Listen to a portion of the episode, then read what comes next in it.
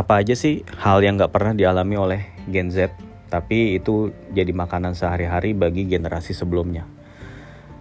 Yang pertama, anak Gen Z itu mungkin nggak tahu dan nggak pernah ngalamin ya, bahwa naik mobil itu pernah boleh tanpa menggunakan sabuk keselamatan atau safety belt atau seat belt. Jadi memang uh, peraturan kewajiban memakai seat belt itu emang baru diterapin di awal-awal tahun 2000-an kalau gue nggak salah ingat. Jadi emang buat anak-anak Gen Z yang lahirnya di atas tahun 2000 ya sejak mereka pakai mobil ya itu udah pakai safety belt gitu. Ya begitu juga dengan anak-anak zaman milenial ya. Ya di era gue ketika gue udah mulai mengendarai motor itu udah wajib pakai helm. Nah sementara di generasi sebelumnya Gen X atau Boomers pada saat mereka mengendarai motor itu masih boleh nggak pakai helm. Cuman terus kemudian kalau nggak salah tahun 80-an ya baru dikeluarin regulasi harus pakai helm gitu. Jadi emang zaman berubah ya kesadaran akan keselamatan itu juga terus bertambah gitu ya makin lama. Terus mungkin uh, Gen Z nggak tahu kalau uh, ada era di mana kalau belanja di uh, warung atau Alfamart itu pakai kembalian permen ya. Atau mungkin masih ngalamin kali gue nggak tahu ya. Tapi zaman zaman gue masih kecil itu uh, hal yang jamak ya. Ketika belanja ya terus si yang punya toko atau supermarket itu nggak punya uang receh dikembalinya pakai permen. Ya yang mana itu sebetulnya ya kalau secara regulasi tidak sah ya. Karena permen itu bukan alat tukar ya. Tapi ya ya mungkin ya udahlah karena susah nyari receh dan orang juga kayaknya nggak ada yang membawa permasalahan ini sampai ke meja hijau. Ya jadinya kayaknya udah diberin aja. Tapi kayaknya sekarang udah tidak lagi pakai uh, kembalian permen ya. Karena sekarang juga udah uh, cashless. Ya orang udah pakai QRIS udah pakai uh, GoPay ataupun apa pun lah. Pembayaran cashless atau sampai pembayaran menggunakan kartu. Gitu ya. Terus apa lagi anak zaman sekarang, anak Gen Z itu nggak pernah tahu yang namanya wesel, ya. Gue pun juga nggak mengalami banget sih zaman zaman wesel ya. Itu lebih ke anak-anak Gen Z atau boomers kayaknya tuh yang mengalami wesel. Ya jadi orang zaman dulu itu kalau ngirim duit gitu ya, itu pakai wesel. Jadi misalnya lu ngerantau nih, lu lu orang uh, Purwokerto gitu, lu kuliah terus di Jakarta. Nah, terus kan uh, untuk bayar kuliah atau juga untuk lo makan sehari-hari, untuk bayar kos dan segala macam, orang tua lo itu kan harus ngirimin duit setiap bulan. Nah, jadi orang tua lo itu akan ya pergi ke kantor pos, dia mengambil form wesel tersebut ya di, ditulis gitu berapa jumlahnya, terus orang tua lo itu bayar kasih uang ke kantor pos ya. Nanti kemudian uh, lu juga di saat yang sama akan mendapat bukan saat yang sama ya beberapa lama kemudian lah gue jaraknya mungkin berapa hari gitu ya tergantung kotanya di mana gitu ya tergantung seberapa jauh lu tinggal. Jadi nanti lu akan uh, bisa nunggu nih di tiap apa namanya tanggal berapa gitu lu akan datang ke kantor pos untuk kayak nanyain ada kiriman buat saya nggak pak? gitu ya. Terus misalnya orang kantor posnya nyari oh ada nih namanya nih. Nah terus kemudian baru cair di situ uang. Itu nggak kayak sekarang lu kayak cuman uh, dari smartphone tinggal transfer lu udah terima uang gitu. Ya zaman sekarang emang serba instan ya bahkan dalam hal musik itu sangat instan ya. Lu mau mainin lagu apa gitu ya lu mau cari lagu apa pun lu tinggal buka Spotify lu tinggal buka YouTube tinggal lu ketik ya siapa pakai keyword apa keluar deh tuh nama artis yang lu cari lu play lu dengerin ya. Kalau dulu eh, zaman masih eranya musik analog ya ketika lu pengen dengerin sebuah lagu ada lu harus menempuh beberapa cara gitu. Yang pertama tentunya lu menonton televisi dan lu menunggu gitu. Menunggu di, di lagu tersebut dimainkan di televisi. Jadi gimana jadi setiap uh, band zaman dulu itu mengeluarkan album. Ya ini mungkin anak-anak Gen Z juga nggak ngerti. Kenapa album gitu? Apa itu album? Apa enaknya? Gitu ya. Mendingan kayak sekarang tinggal tinggal play, udah lu denger. Ngapain itu album? Ya tapi um, zaman dulu itu ketika seorang penyanyi atau sebuah band merilis album ya mereka tuh ya sebagai bagian dari promo ya itu mereka banyak memainkan lagunya itu di baik di stasiun televisi atau radio. Jadi dari dua cara itulah lo mendengar lagu dari band favorit lo. Jadi misalnya band Dewa 19 nih, ya band Dewa ya ngeluarin album baru. Katakanlah uh, zaman dulu uh, keluar album uh, Pandawa 5 itu kan keluar tahun 98 Pandawa 5 itu ya. Jadi eh tau bukan bukan 98 95 malah Pandawa 5 itu. Eh 95 96 96 kalau nggak salah ya. Pokoknya tahun-tahun segitulah. Nah ketika pengen ngedengerin uh, album Pandawa 5 ya lo itu nunggu dulu pemutaran lagu-lagunya itu baik di radio atau TV ya. Di TV lo akan menemukan video klip lagu yang judulnya Kirana. Itu kan first singlenya uh, di Pandawa 5 ya jadi setiap jeda acara atau atau misalnya setiap jam berapa gitu, kita kita tuh udah hafal. Wah ini bakalan mainin lagu-lagu baru nih video klip. Nah ketika lagu tersebut itu main gitu, wah kita itu langsung kayak ngeliatin video klipnya, nungguin ngeliatin banget. Terus kalau misalnya lagu tersebut diputar di radio itu kita dengerin banget ya. Dengerin, dengerin, dengerin sampai kemudian ketika kita ngerasa pengen uh, punya itu musik gitu ya supaya kita bisa dengerin terus akhirnya kita beli fisiknya. Beli fisik itu ya berupa uh, kaset ataupun CD ya. Dan ketika itu kita jalan tuh ke toko kaset. Biasanya di mall-mall tuh ada kayak di Stara atau uh, Tara Megastore atau Duta Suara atau Aquarius ya atau banyak lah toko-toko kaset atau bahkan toko-toko kaset yang di pinggir-pinggir yang di dekat-dekat terminal atau dekat-dekat apalah tempat-tempat keramaian gitu. Ada toko kaset pinggiran juga. Tapi ya itu nggak nggak terjamin sih bisa asli bisa bajakan gitu. Nah terus kita datang ke toko kaset. Kita uh, ngelihat ada wah new release. Misalnya Dewa ya album Pandawa 5 kita ngelihat covernya warna biru yang ada wayang-wayangnya. Kita ngeliatin covernya gitu sebelum kita memutuskan untuk beli. Kita lihat di kita balik di belakang lagunya apa aja? Oh ternyata ada Kirana ada bunga ada aku di sini untukmu ada kamulah satu-satunya ya. Ada aspirasi putih ada apalagi petua bijak ada sebelum kau terlelap. Ya itulah semua lagunya. Gitu. Wah ini lagunya apa nih ya? Gue cuman baru tahu di video klipnya Kirana doang nih.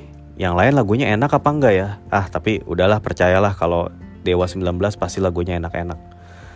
Belilah tuh ya. Terus mikir, beli kaset apa beli CD ya? Kaset itu harganya sekitar kalau kaset Indonesia ya dulu ya, harganya sekitar antara kalau nggak salah ingat gue tuh 16 17.500 gitu ya, segitulah. Kalau kaset uh, band luar itu harganya kayak beda 3.000 4.000 ya. Jadi sekitar 21.000 kalau nggak salah tuh kalau kaset uh, apa band luar atau penyanyi luar. Akhirnya karena duit jajan pas-pasan beli kaset. Bayar ke kasir, terus uh, orang kasirnya itu kayak ngebuka pakai cutter ya pengamannya stek gitu ya supaya lu nggak bunyi pas lagi keluar. Terus lu kasih lihat ya ini kadang-kadang kalau lu rese minta dicoba dulu gitu ya. Tapi ya sebenarnya lu bisa nyoba dengerin ada beberapa toko CD gitu ya yang nyediain kayak pemutar sih, pemutar musik gitu. Ada Discman, jadi Discman zaman dulu di dalamnya supaya lu bisa nyoba lagu-lagu gitu. Oh ini track ini, lagu ini judulnya gue pengen denger denger denger gitu. Ya udah terus uh, dapat deh tuh lu sekeping album kaset gitu ya. Ada cukainya di situ, ada apa? Ada albumnya, ada covernya. Nah terus lu bawa pulang, lu buka, lu pasang gitu ya di dalam uh, tape lu pemutar lo gitu ya. Terus habis itu lu buka-buka covernya lu cium bau kertasnya gitu kan. Terus uh, lu lihat uh, thanks to nya misalnya Dani thanks to siapa siapa siapa siapa uh, mixingnya di mana pakai equipmentnya apa gitu kan. Andra apa Ari Lasso apa wah lu kayak jadi langsung kayak ngerasa deket gitu dengan personil bandnya gitu. Dengan lu padahal lu hanya karena membaca thanks to-nya dan alat-alat apa aja yang mereka pakai gitu. Terus lu baca liriknya satu-satu gitu kan dari satu lagu ke satu lain lagu lainnya. Itu di apa di susunan liriknya itu ada judulnya terus ada ciptaan siapa misalnya ciptaan Dani Andra gitu kan. Terus di situ ada liriknya gitu ya. Terus kayak ada kadang-kadang suka ada yang ditulis tuh uh, di bawahnya misalnya ini Andra pakai gitar apa pakai apa apa apa. Terus misalnya ada backing vokal disebutin backing vokalnya siapa atau ada additional player siapa gitu ya. Atau misalnya ada ada punya apa ada yang pakai instrumen lain gitu disebutin siapa gitu. Itu jadi apa ya itu jadi bagian dari perjalanan menikmati musik gitu.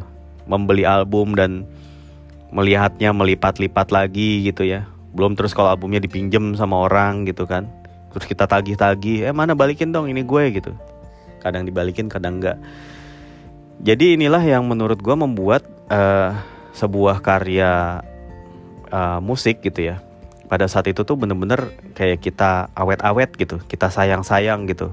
Karena kita ngerasa udah beli jadi kan mau nggak mau kita dengerin lagunya aduh kayaknya kita gue kurang cocok nih sama track segini gitu ah tapi gue dengerin dulu lah sayang gitu gue udah beli paling nggak gue dengerin dulu lah dan kalau emang kita suka tuh kita bisa puter-puter dari side A, side B gitu. Lu mungkin nggak paham ya apa itu side A, apa itu side B gitu. Terus kemudian ya itu kaset, CD gitu kan. Atau di CD lu bisa kayak tinggal pencet tek tek tek gitu kan. Track langsung bisa loncatin track gitu kan kalau kelebihannya CD dan suaranya itu lebih jernih. Kalau kaset itu ketika lama apa ya sering lu pasang gitu ya, lama kelamaan dia akan mendem ya namanya juga pakai pita ya. Kalau kualitas pitanya tuh makin ya tergerus gitu ya makin tipis ya lama-lama dia terdengar mendem belum lagi kalau pitanya tuh kusut gitu ya wah lu harus repot lu harus bongkar itu apa namanya bongkar itu kaset gitu ya pakai obeng lu benerin pitanya tapi ya abis itu udah kayak yang kayak ada belibetnya gitu. Ketika lu misalnya abis lu benerin karena kusut nih lu ratain lagi tuh pitanya. Tapi abis itu di bagian tertentu itu akan belibet gitu suaranya jadi atau mendem gimana dan somehow lu apal gitu. Kayak oh di lagu ini di bagian yang nyanyi ini itu ada mendem gitu. Gue tuh ngalamin loh masa-masa itu. Itu ini ini bukannya gue lagi sedang meromantisasi ya zaman dulu ya.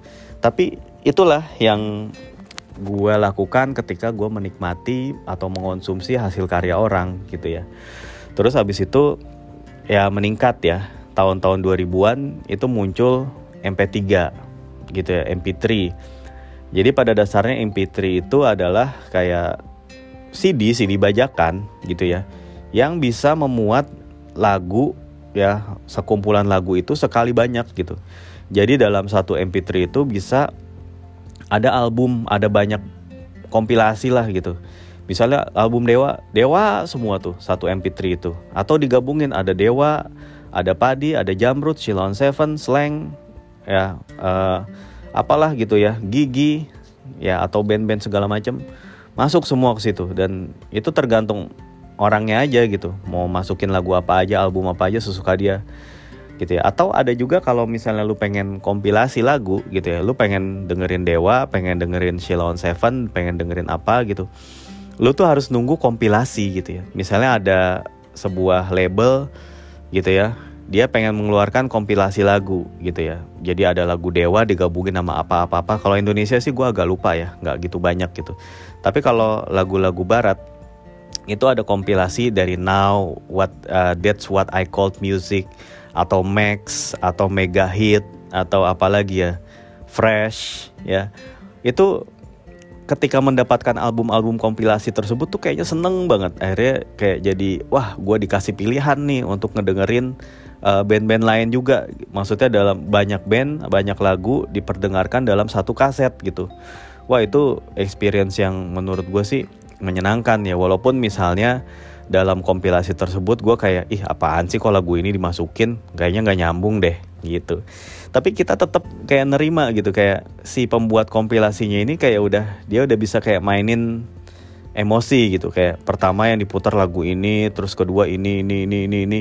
Itu kayak lagu kayak kalau digabungin gitu ya kalau dimainin terus jadi satu itu kayak emang jadi kayak ada storyline tersendiri gitu jadi untuk pembuat kompilasinya kayak dia ingin kayak menyampaikan pesan gitu.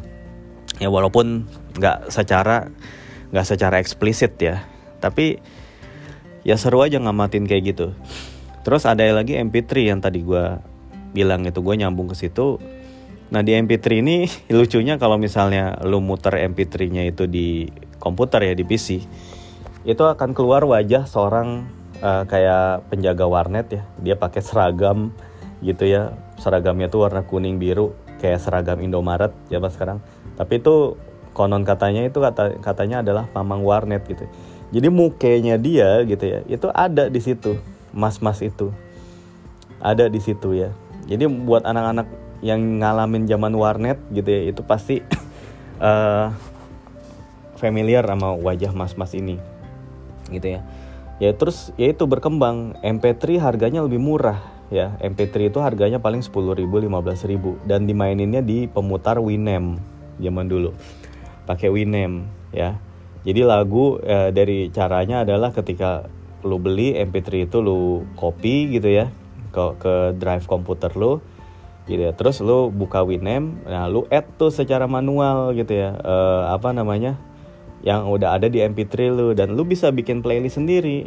Ya misalnya lu udah copy nih banyak album Dewa album Silon Seven album segala macam nah tinggal bagaimana lu aja mainin playlist lu gitu. Dan itu manual lu ambil satu-satu ambil ambil ambil baru deh gitu ya. Jadi Winamp lu. Atau uh, pas ketika Apple itu ngeluarin iPod itu ada dia ngeluarin iTunes. Nah di iTunes lu juga bisa kayak bikin playlist seperti halnya uh, di uh, apa namanya tuh di Winamp jadi lu tinggal ambil ambil aja semua lagu gitu ya yang lu udah copy di MP3 lu masukin semua ke iTunes lu tinggal bikin playlist di situ. Lu tinggal drag drag drag drag gitu. Dulu cara menikmati lagu ya ketika udah mulai memasuki masa on demand ya itu seperti itu ya cuman kan kalau sekarang berkembangnya on demand ya sekarang lu tinggal buka YouTube lu buka Spotify udah langsung jebret main gitu kan. Jadi gimana ya? Uh, eh, gue nggak bilang zaman sekarang itu lebih katro atau gimana tapi zaman sekarang itu mungkin orang udah nggak lagi menghargai value seorang artis atau band gitu. Kayak mereka cuma kayak memasang lagu ah nggak enak nih. Ya udah begitu lagu ini ketika kurang dari 10 detik lu ngerasa lagu itu nggak enak lu udah akan langsung skip. Itulah yang dilakukan generasi sekarang. Ya. Itu nggak terjadi pada generasi gue kenapa? Karena ketika lu udah membeli sekeping kaset atau CD terus lu nyetel ah lagunya nggak enak nih. Ya paling yang lu, lu lakukan ya lu kayak bersabar aduh udah deh gue setel lagu ini sampai habis kali aja ntar track kedua ketiga ada yang enak gitu. Akhirnya udah kita kita jadi kayak mengenal nih artis lama-lama gitu mengenal gitu dan um, dari sudut pandang artisnya juga ya menurut gue dengan adanya album itu membuat mereka jadi lebih bisa mengeksplor mengeksplor ekspresi mereka gitu jadi ada memang gue yakin kok artis itu uh, ketika membuat album mereka tuh pasti bikin satu dua lagu yang emang mereka favoritkan untuk bisa jadi single. Nah yang bisa jadi single itu adalah ya biasanya ini kan ada campur tangan produser ya. Mereka tuh pasti pengennya ini lagunya yang gampang ngehook gitu, yang gampang diingat orang, punya nada-nada atau punya lirik-lirik yang ada ciri khasnya yang begitu kuat yang dalam hanya waktu sekian detik gitu ya 10-20 detik itu udah nempel di kepala orang udah ngehook orang gitu. Ya. Nah terus untuk lagu-lagu lainnya misalnya di, lu dikasih jatah dalam satu album itu lu cuma bisa masukin 10 lagu. Oke 5 lagu lu harus ngikutin gue kata produsernya gitu. Lu harus tahu penempatannya gue yang nentuin ya nanti sisanya 5 lu bolehlah mainin lagu sesuka lu. Ya tapi asal masih dalam satu konsep di albumnya gitu ya jangan lari-lari amat dari konsep gitu. Pasti kan gitu diarahinnya. Jadi kita tuh sering kali gitu ya dalam satu album ya kita tuh melihat sisi lain dari musisi tersebut melihat perjalanan musisi tersebut gitu ya album Dewa yang tadi gue bilang Pandawa 5 itu mencerminkan perjalanan mereka uh, ketika mereka itu memakai drummer seorang musisi jazz yaitu Wong Aksan. Dan itu kelihatan banget di Pandawa 5 itu albumnya sangat bernuansa jazz. Lagu-lagu seperti uh, Satu Sisi, ya, apalagi sebelum kau terlelap itu sangat jazz gitu. Yang mana itu nggak nggak banyak ditemuin di album-album lainnya dan kayak di ah, gimana ya kita tuh agak sulit gitu ya untuk menemukan satu band yang bisa punya banyak ekspresi seperti Dewa gitu.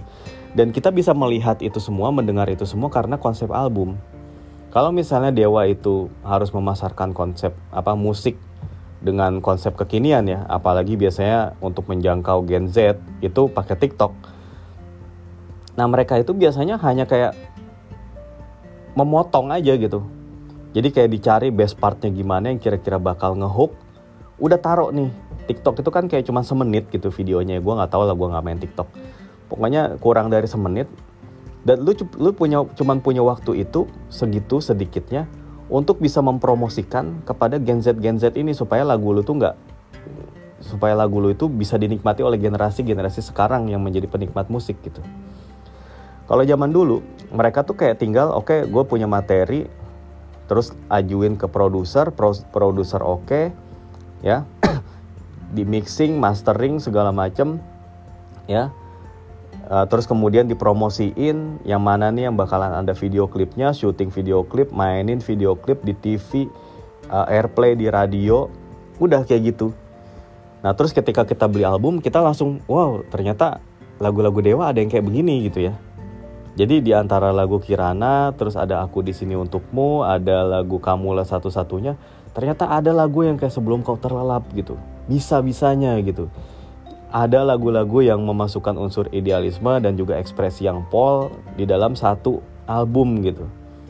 Which is itu kalau di zaman sekarang kayaknya udah nggak nggak bisa lagi musisi melakukan itu. Jadi musisi-musisi itu ketika mereka ingin memasarkan karyanya gitu lewat platform-platform yang kekinian, lewat Spotify, Instagram ataupun TikTok, mereka tuh jadi tidak punya keleluasaan gitu ya menurut gua untuk ber bereksplorasi penuh karena ya mereka tuh yang dipikirin adalah bagaimana supaya bisa bikin sesuatu yang ngehook, sesuatu yang mengena gitu ya di platform-platform yang digunakan oleh Gen Z di TikTok, terutama TikTok di sini gitu ya.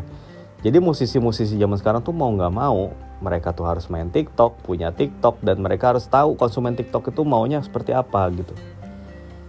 Dan ini bisa jadi mempengaruhi cara mereka bermusik ya nggak?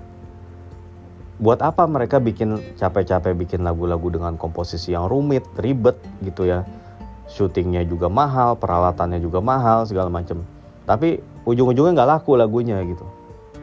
Lama-lama kan musisi juga akan patah arang, akan males gitu. Ah ya udahlah, mendingan gue bikin lagu yang liriknya jebra and jebre, yang wah wah wah wah wah wah nggak jelas. Yang penting jogetnya banyak, bajunya warna-warni.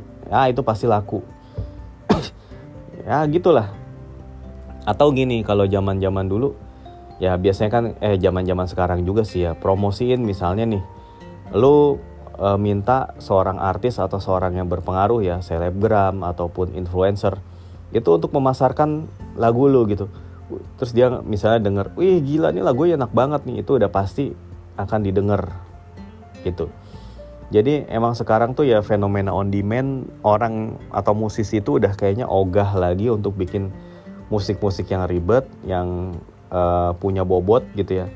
Sementara ketika mereka bikin sesuatu yang receh itu udah bisa laku.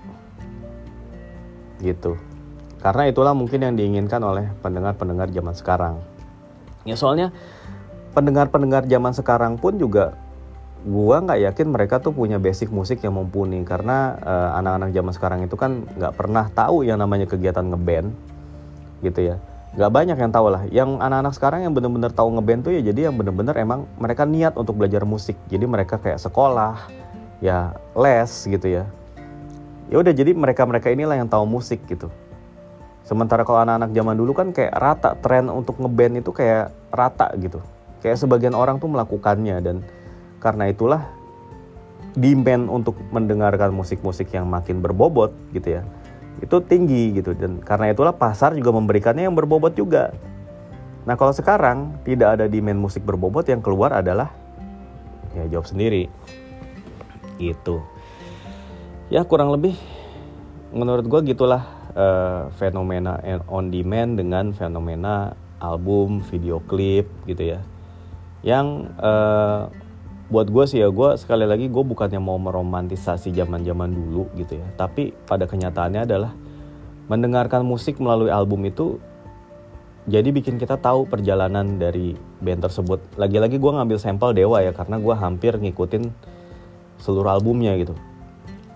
Album pertama ya mereka tuh kedengeran kayak uh, band-band pop rock tahun-tahun segituan, tahun 90-an yang 80-an 90-an yang masih uh, glam gitu ya. Yang masih mengandar, mengandalkan vokal Ari Lasso yang melengking dan gitar Andra yang belibet gitarnya gitu ya. Sound drumnya juga kedengeran kayak tahun-tahun ya tahun-tahun tua gitu. Ya terus kemudian berlanjut ke album kedua ya ketiga terutama terbaik terbaik itu udah beda lagi. Mereka ya mereka mengalami proses lagi dalam bermusik. Terus habis itu ke album Pandawa 5 beda lagi mereka mengeksplor uh, musik yang lebih jazzy dan juga uh, apa namanya musik di di album uh, Pandawa 5 itu lebih tipis sebetulnya dari materi gitu ya. Artinya tidak banyak sound-sound aneh-aneh yang dimasukin gitu ya, lebih natural gitu ya. Terus kemudian sampai uh, ke album Bintang 5 yang mana itu adalah penanda era Once ya Ari Lasso keluar, Once masuk, lahirlah lagu apa album bintang 5 yang nuansanya tuh bener-bener beda banget dibandingin album sebelumnya. Ada baladewa yang nggak suka, ada yang suka, ada juga malah penggemar baru yang masuk akhirnya jadi suka. Itu dan album ini komersiali sangat-sangat sukses dan hampir seluruh lagunya itu ada video klipnya dari mulai. Gue malah apal nih ya tracknya ya. Satu uh, intro Mukadimah ya. Yang yang simfoni melodi apa namanya uh, pokoknya simponi itulah sebelum pembukaannya Roman Picisan. Kedua Roman Picisan, ketiga Dua Sejoli, keempat Risalah Hati, lima Separuh Nafas, enam Cemburu, tujuh Hidup Adalah Perjuangan, delapan Lagu Cinta, sembilan Cinta Dalam Misteri, dan sepuluh Sayap Saya Patah. Dan terakhir, ya penutupnya lah, Seribu Bintang. Gitu. Itulah ya dari Mukadimah sampai Seribu Bintang gue tuh tahu banget ya dan lagu itu waktu itu pada saat gue masih SMA gue ngulik abis itu lagu semua gue sampai apal bunyi bunyiannya gue apal lirik liriknya gitu itu berkesan banget ya terus abis abis bintang 5 cintailah cinta. Ya itu juga musiknya masih dalam satu garis yang mirip lah antara bintang 5 dan cintailah cinta. Terus abis cintailah cinta baru gue rada kurang ngikutin tuh yang album Laskar Cinta, Kerajaan Cinta dan lain-lain. Itu gue kurang begitu ngikutin. Tapi itu gue tahu banget tuh perjalanan-perjalanan ketika misalnya nih pas lagi uh, bintang 5 itu kan musiknya masih ada nuansa retronya sedikit ya. Terus pas Cintalah Cinta juga. Nah terus pas begitu masuk ke album yang Laskar Cinta Kerajaan Cinta itu udah mulai makin banyak unsur-unsur techno ya unsur-unsur uh, mesin gitu ya yang soundnya tuh udah beda tuh ke situ. Makin ke situ udah musiknya udah agak beda gitu dan gue udah nggak gitu tertarik gitu di era-era tersebut gitu. Jadinya ya emang album itu ya menandai perjalanan gitu menandai perjalanan ya kalau dari musik dewa gitu ya. begitu juga kalau band-band lain ya itu pasti juga ada bedanya kayak Radiohead eranya Oke okay Computer dan sebelum Oke okay Computer itu apa gitu. Kita jadi kayak bisa melihat oh perjalanan mus sebuah band secara utuh tuh kayak gini nih bisa dilihat dari album-albumnya gitu. Gitu sih menurut gue jadi emang ya lagi-lagi plus minus nggak ada yang salah nggak ada yang benar ya dan namanya generasi-generasi itu akan saling ngecengin satu sama lain ya udah biarin aja gitu ya. Tapi ya gue di sini pengen ya sedikit ini aja nostalgia aja waktu zaman gue dulu seperti ini gitu. Tanpa bermaksud untuk kayak labeling ataupun kayak yang berusaha untuk seperti jadi kayak radio rusak yang cerita yang sama diulang-ulangin lagi gitu. ah ya udahlah, oke itu aja yang mau gue sampaikan dalam episode kali ini ya. Dah.